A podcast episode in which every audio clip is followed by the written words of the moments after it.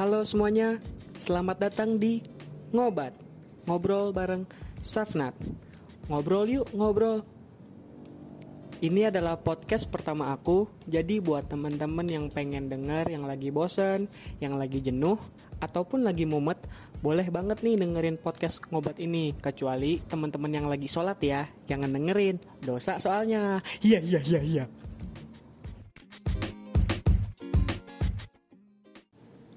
Podcast kali ini bertema tentang pariwisata dan aku udah mengundang narasumber yang keren banget nih.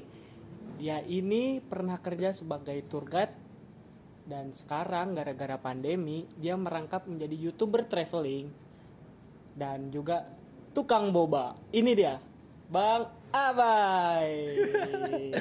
Gak tukang bawa juga dong Nat Hei, hey, tukang cendol iya iya iya iya.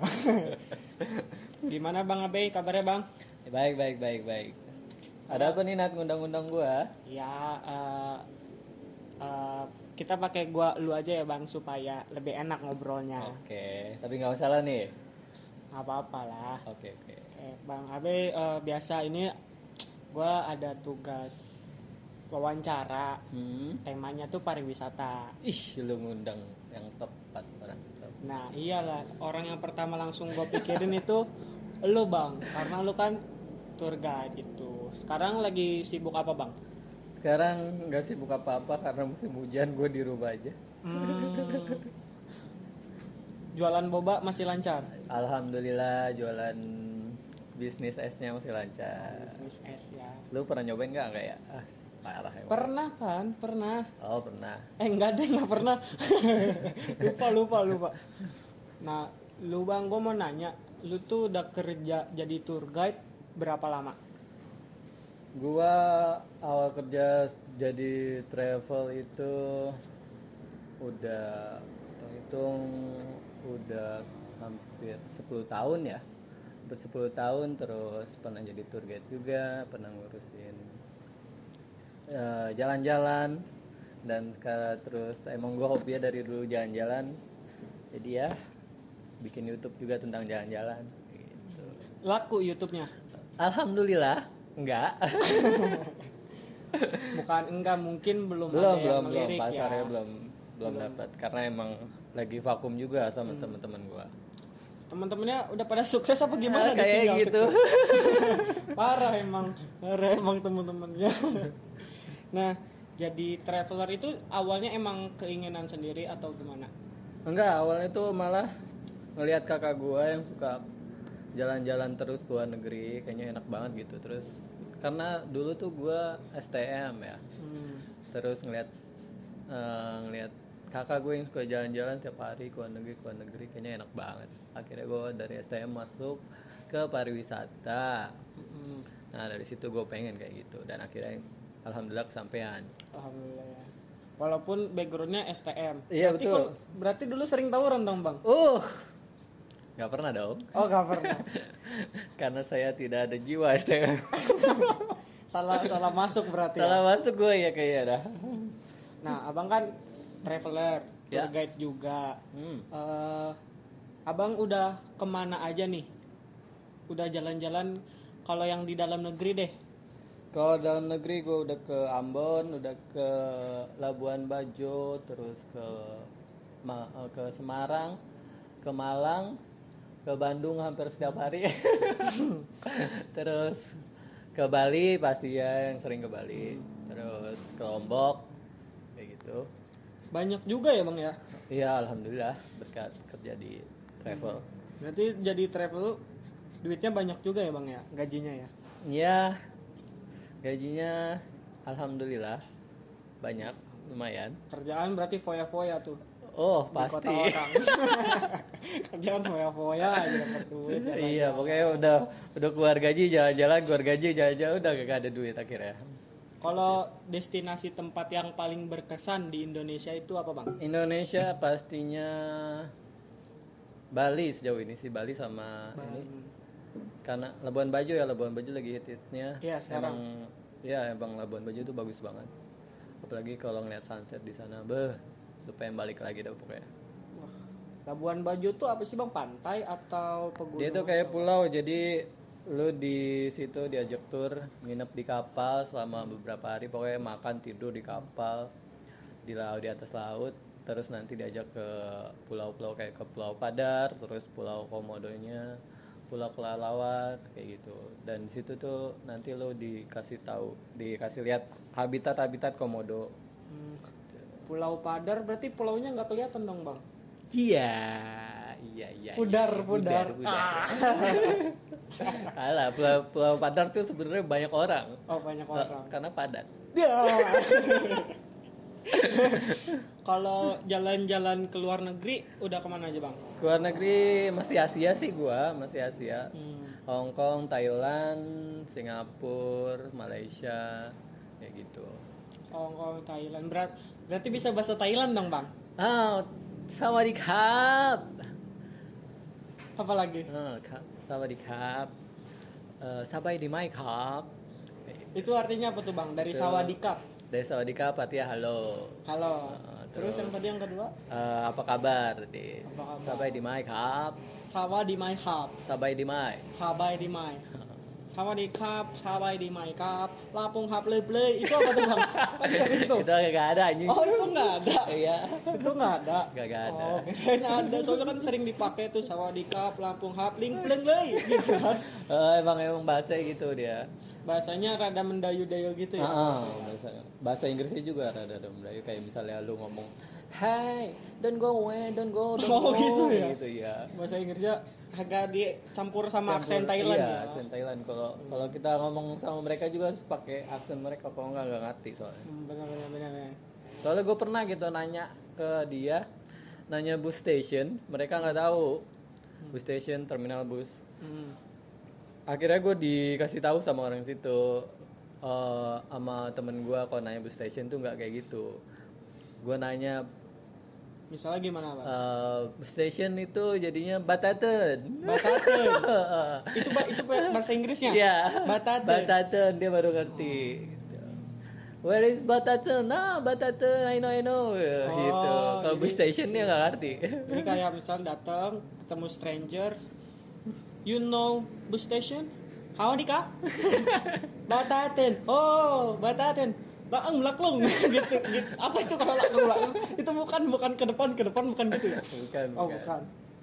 Kalau dari, nah di Thailand itu kan banyak eh, kita yang tahu Thailand tuh kalau enggak film Mhm. itu kan warianya tuh bang. Mhm. Nah abang kan udah pernah ke Thailand.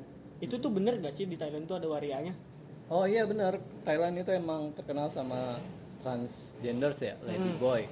Karena emang di sana uh, pemerintahnya juga udah kayak udah apa ya, udah ngajarin gitu. Dan di sana tuh sebenarnya nggak cuma lady boy, uh, yang gue tahu tuh di sana ada hmm, berapa gitu, tiga hampir 30 gender yang diakuin pemerintah di sana. 30 gender. Hmm, kayak misalnya cewek cowok cewek kayak cowok ce- cowok kayak cewek kayak gitu Oh, sampai sampai banyak gitu iya ya. sampai banyak dan di sana juga ada toilet khususnya kayak kalau di sini kan cuman Cowok sama cewek cewek. sama cowok di sana ada uh, khusus transgender kayak gitu Oh, ada kayak misal Ada. berarti di tulisan toiletnya pakai Thailand.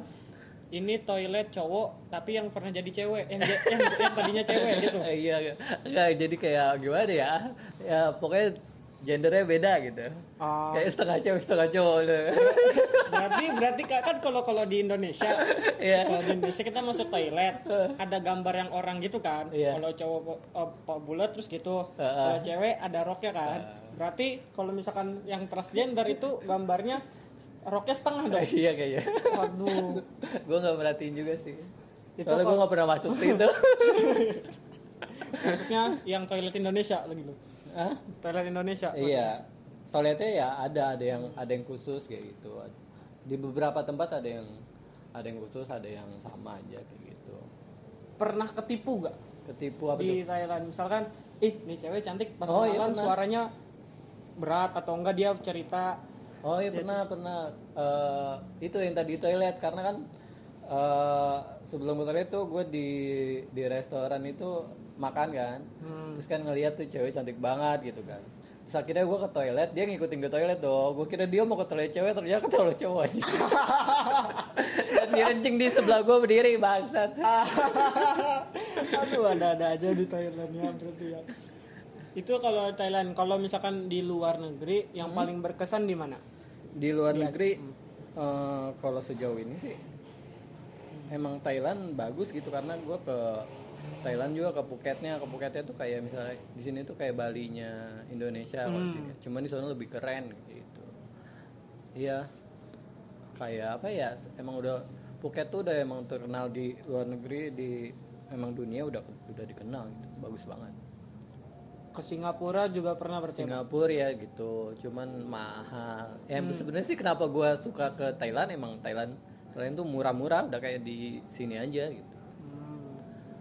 Nah, kalau kalau di luar negeri itu peraturan sama di Indonesia ketatan mana?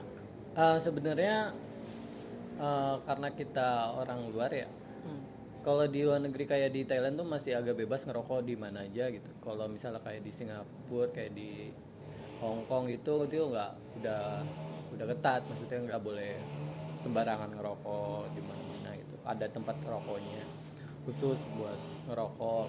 Terus apa ya? Ada emang ada beberapa negara yang peraturannya kocak kayak misalnya Singapura tuh dulu tahu sampai sekarang masih apa enggak itu nggak boleh makan permen karet kayak gitu. Di jalan. Iya, nggak tahu kenapa kan emang nggak tahu sejarahnya kenapa pokoknya nggak boleh makan permen karet. Jadi kita kalau jalan tuh nggak boleh sambil ngunyah permen karet. I think so. Oh mungkin orang-orang nyangkanya Iya mungkin karena jorok gitu takutnya. hmm, Ya bias jorok gimana sih? mungkin juga karet. kayaknya orang-orang Singapura suzonan bang. Karena kan kalau kita makan permen karet kan mulut kita gerak-gerak. Ntar orangnya kayak, ini orang pasti ngomongin gua nih. Gitu. Oh gitu ya ya juga ya. Kayaknya gitu bang, kayaknya sih. Tapi kita nggak pernah ke Singapura jadi nggak tahu. Sujon. Ini, ini juga lagi suzon juga nih. nah, kalau misalkan di, sebelum kita ke dalam negeri nih, di luar negeri tuh kayak ada tempat desa wisatanya gitu gak sih bang? Oh, kayak di- ka- misalkan di Thailand ada daerah khusus kearifan lokalnya dia gitu. Oh pasti ada setiap negara pasti ada kayak misalnya kalau di Thailand tuh kayak ada namanya apa sih tempat-tempat khususnya tuh kayak eh, kawasan road kayak gitu. Hmm. Kawasan road jadi itu tempat emang tempat turis pada turis di situ karena banyak makanan banyak penginapan juga di situ. Gitu. Terus kayak Uh, Chinatown, the- Chinatown itu sebenarnya di mana-mana juga ada sih kayak di Singapura, terus pasti ada Chinatown di uh, di Kuala Lumpur, di Bangkok juga ada. Kalau di sini mungkin kayak di Bogor di itu di mana tuh di Sutra Kencana. Oh. Itu itu tuh kalau itu tuh termasuk desa wita- wisata ya. Iya kayak gitu. Hmm. Jadi kalau desa wisata tuh sebenarnya pengertian menurut tour guide itu apa tuh travel travel gitu? Kalau desa wisata biasa eh, eh, apa ya suatu desa yang dikelola sama masyarakat situ supaya jadi daya tarik daya tarik wisatawan untuk situ gitu untuk berkunjung ke situ. Hmm, oh makanya ada kalau di Bogor kayak Surya Kencana Mm-mm. itu yang ngolah-ngolah kebanyakan sih orang-orang Cina ya. Chinese, ah, Chinese kayak gitu. Nah kadang desa wisata kan ibarat kan kita, kita kalau mau eh, mau jalan-jalan traveling itu kan taunya tuh tempat-tempat tempat-tempat gede tempat-tempat besar yang udah terkenal. Sebenarnya ada gak sih bang kalau di Indonesia itu tempat desa-desa wisata yang padahal nih bagus banget cuman nggak ke expose Kalau yang gua tahu sih ada beberapa kayak di kayak di Semarang tuh ada namanya Desa Pelangi, kalau nggak salah. Dia desa Desa Pelangi itu jadi warna semua tuh warna-warni gitu. Jadi bagus ke situ, ke situ juga orang banyak bule-bule ke situ gitu. Walaupun emang jadi kayak apa ya kayak satu daerah yang di situ tuh dicat terus di dicat warna-warni terus dikasih hiasan-hiasan kayak kayak apa sih kayak payung-payung lampu-lampu gitu jadi indah jadi bagus gitu jadi daya tarik sendiri ada daya tarik sendirinya gitu Jadi setiap rumah tuh udah janjian dicat warna-warna pelangi. Heeh, jadi setiap gang nih setiap gang udah udah kayak warna-warni dari tangga dari dari mulai tangga terus kayak apa sih semen-semennya jalan-jalannya juga dikasih warna-warni gitu Hmm.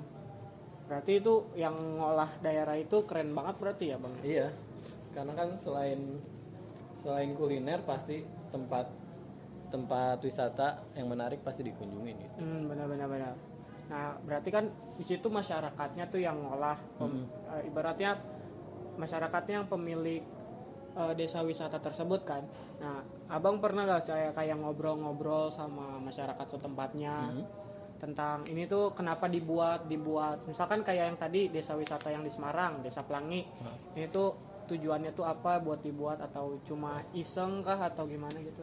Enggak, awalnya emang mereka tuh kayak apa sih bikin bikin desanya emang supaya rapi kayak gitu. Terus lama-lama eh, banyak orang tertarik, ya akhirnya dibagusin juga gitu. Kayak sih kayak gitu. Oh jadi emang emang mungkin orang-orang desa Pelangi emang kreatif kali bang ya? iya betul. Lalu kalau kalau nanti sudah di apa desa desa Pelangi apa desa Warna-Warni gitu di Malang eh di Semarang gue lupa. Hmm.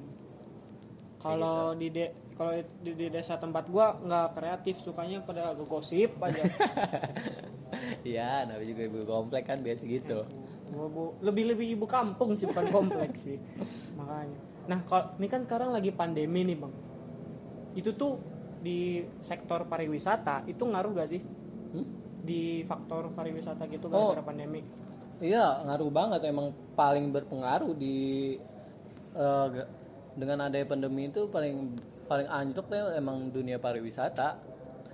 Eh, Dari misalnya dari pemasukan yang yang tadinya gila-gilaan ya sekarang turun bisa jadi 10% cuma 10% gitu. Bahkan ada yang nggak dapat pemasukan. Karena emang apa ya semua kan sem pro- protokol ketat udah gitu apa akses-akses buat ke sana juga pada ditutup gitu. Jadi ya pengaruh banget sangat berpengaruh kalau untuk itu Makanya itu Abang cabut tuh dari Iya, travel betul. sekarang.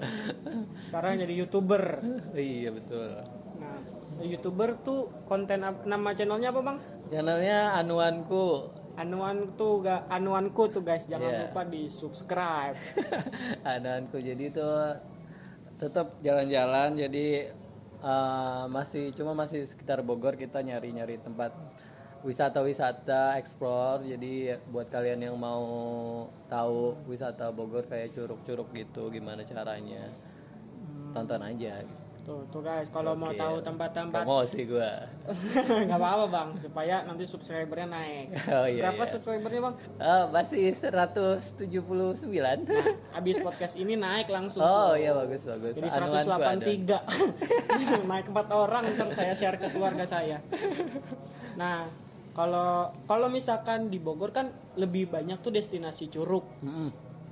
Tapi kan itu destinasi curug kan eh, kalau nggak gunung deh, gunung gitu. Itu kan destinasi curug banyak warga-warga setempat kayak gitu kan. iya Itu tuh masih termasuk desa wisata gak bang? Kalau menurut abang? Eh, termasuk ya karena Hmm. kan emang itu kan termasuknya kayak di Pamijahan ya itu kan Pamijahan kan desa ya Hmm.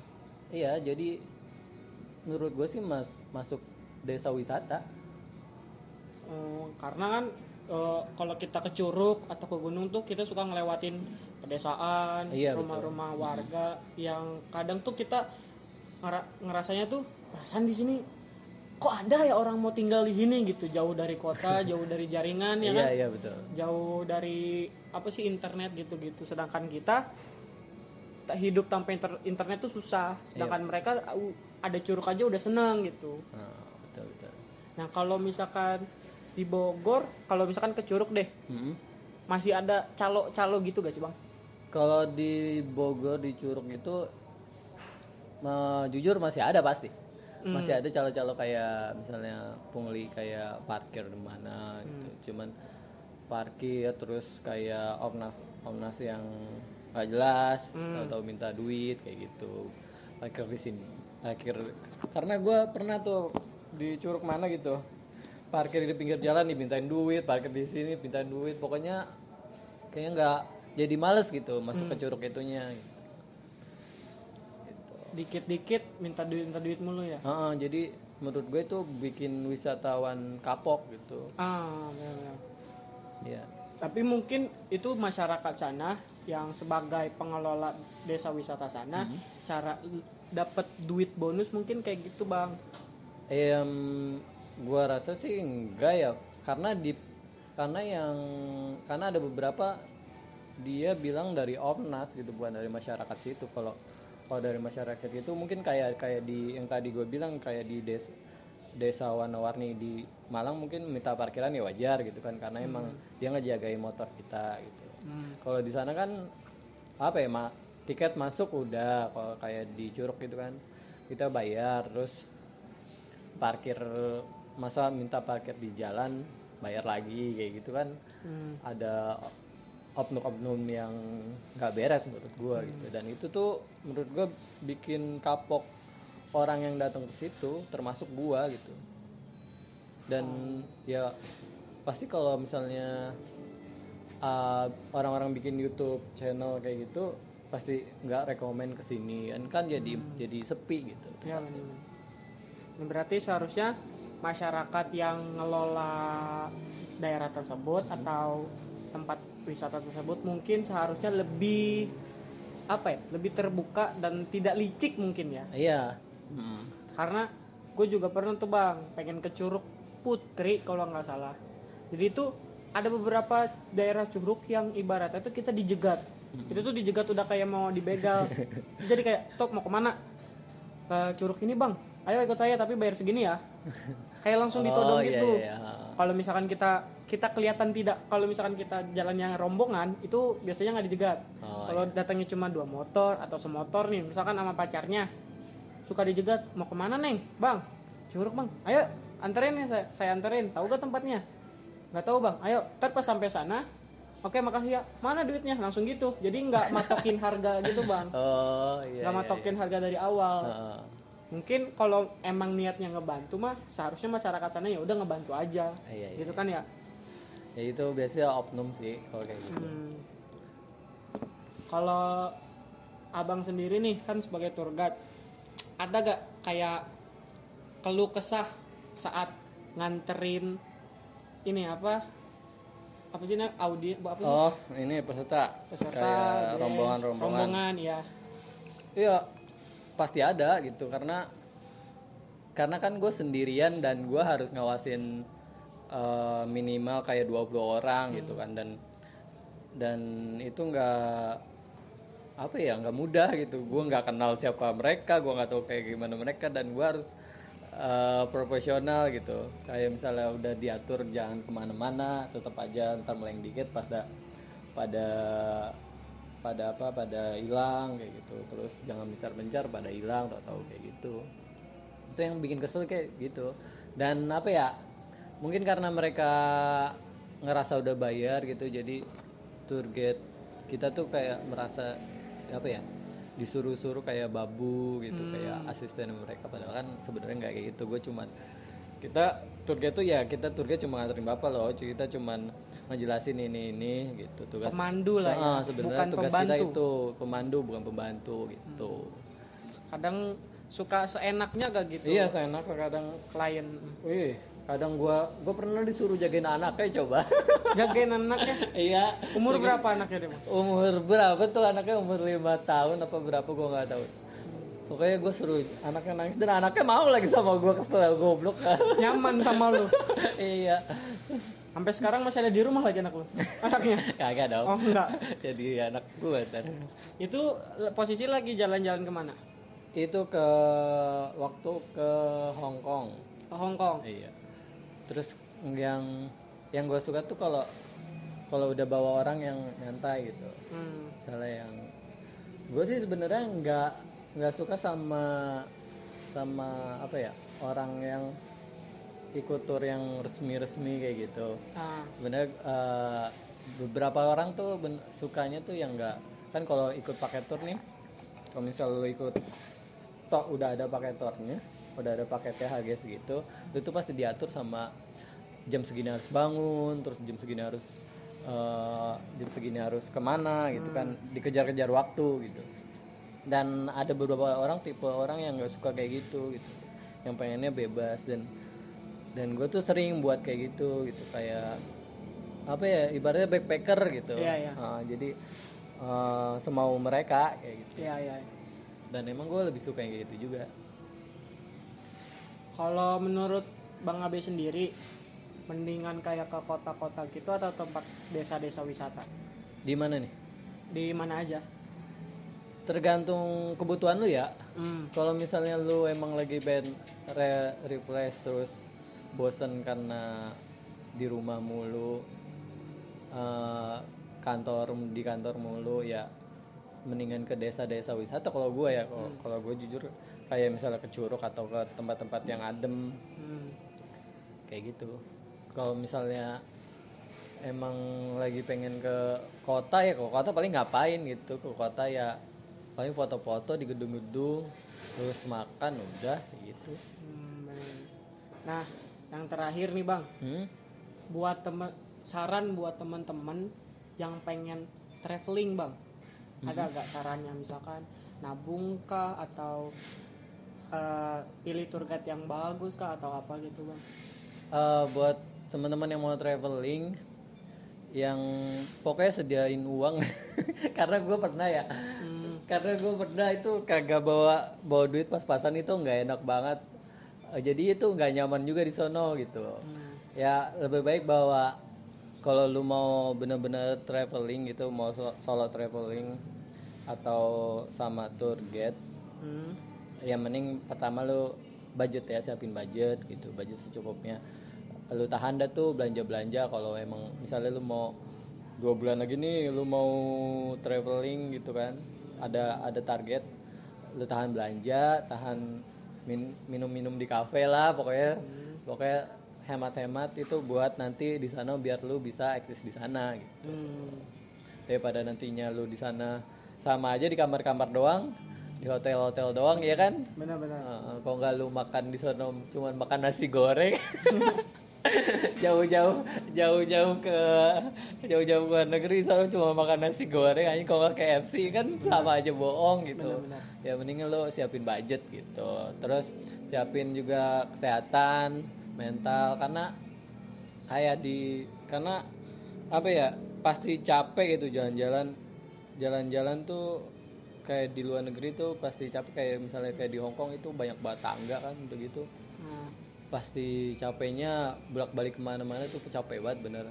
Benar-benar. Nah, Berarti bukan cuma ke luar negeri tapi ke tempat-tempat di Indonesia pun iya di Indonesia lu budget harus siapin budget gitu. Kayak misalnya lu mau ke Semarang nih eh, dan lu harus sudah tahu nih sebenarnya lu mau ke mana ke Semarang tujuannya gitu. Jangan sampai Semarang ah gua ke mana? gitu gua bingung gitu.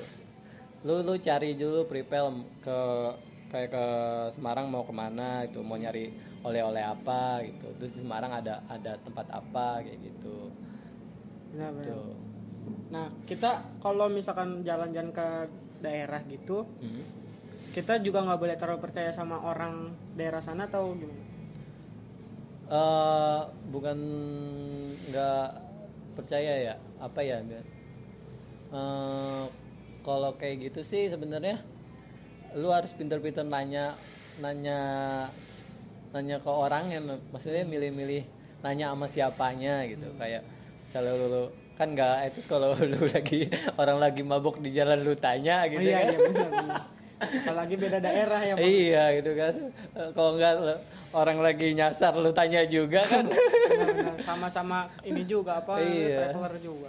Nah, sebenarnya kalau apa ya bilang jangan terlalu percaya ya sebenarnya nggak juga gitu kalau ya lu pinter-pinter lah lu kan sekarang udah zaman teknologi lu tahu mau ke mana gitu kalau nyasar-nyasar sedikit ya tanya gitu itu aja sih Nah, terima kasih nih Bang Abe udah udah gitu doang ah. waduh Kalau misalkan kepanjangan nanti keenakan yang dengerin dong. oh iya benar Iya, nanti kita bikin part 2 lah kalau misalkan teman-teman pada suka ya? Ah, kalau teman-teman pada suka Mantap, kita mantap, bikin mantap. part 2. Nah, makasih banget nih Bang Abe atas Oke. kesempatannya udah ngeluangin waktu. Habis ini langsung sibuk jualan apa gimana, Bang? Eh, belum paling ya jual lagi ini juga lagi apa ya nggak ngapa-ngapain sih sebenarnya gua ya ini aja gua diundang sama lu Baru ada alhamdulillah baru ada kegiatan gua bisa keluar rumah lagi ya, Bang, ya? iya karena hujan mulu ya kan betul betul Ya sukses lah buat Lunat, buat podcastnya, buat tugasnya. amin Semoga lancar semuanya. amin amin Ya. thank you bang abai Oke.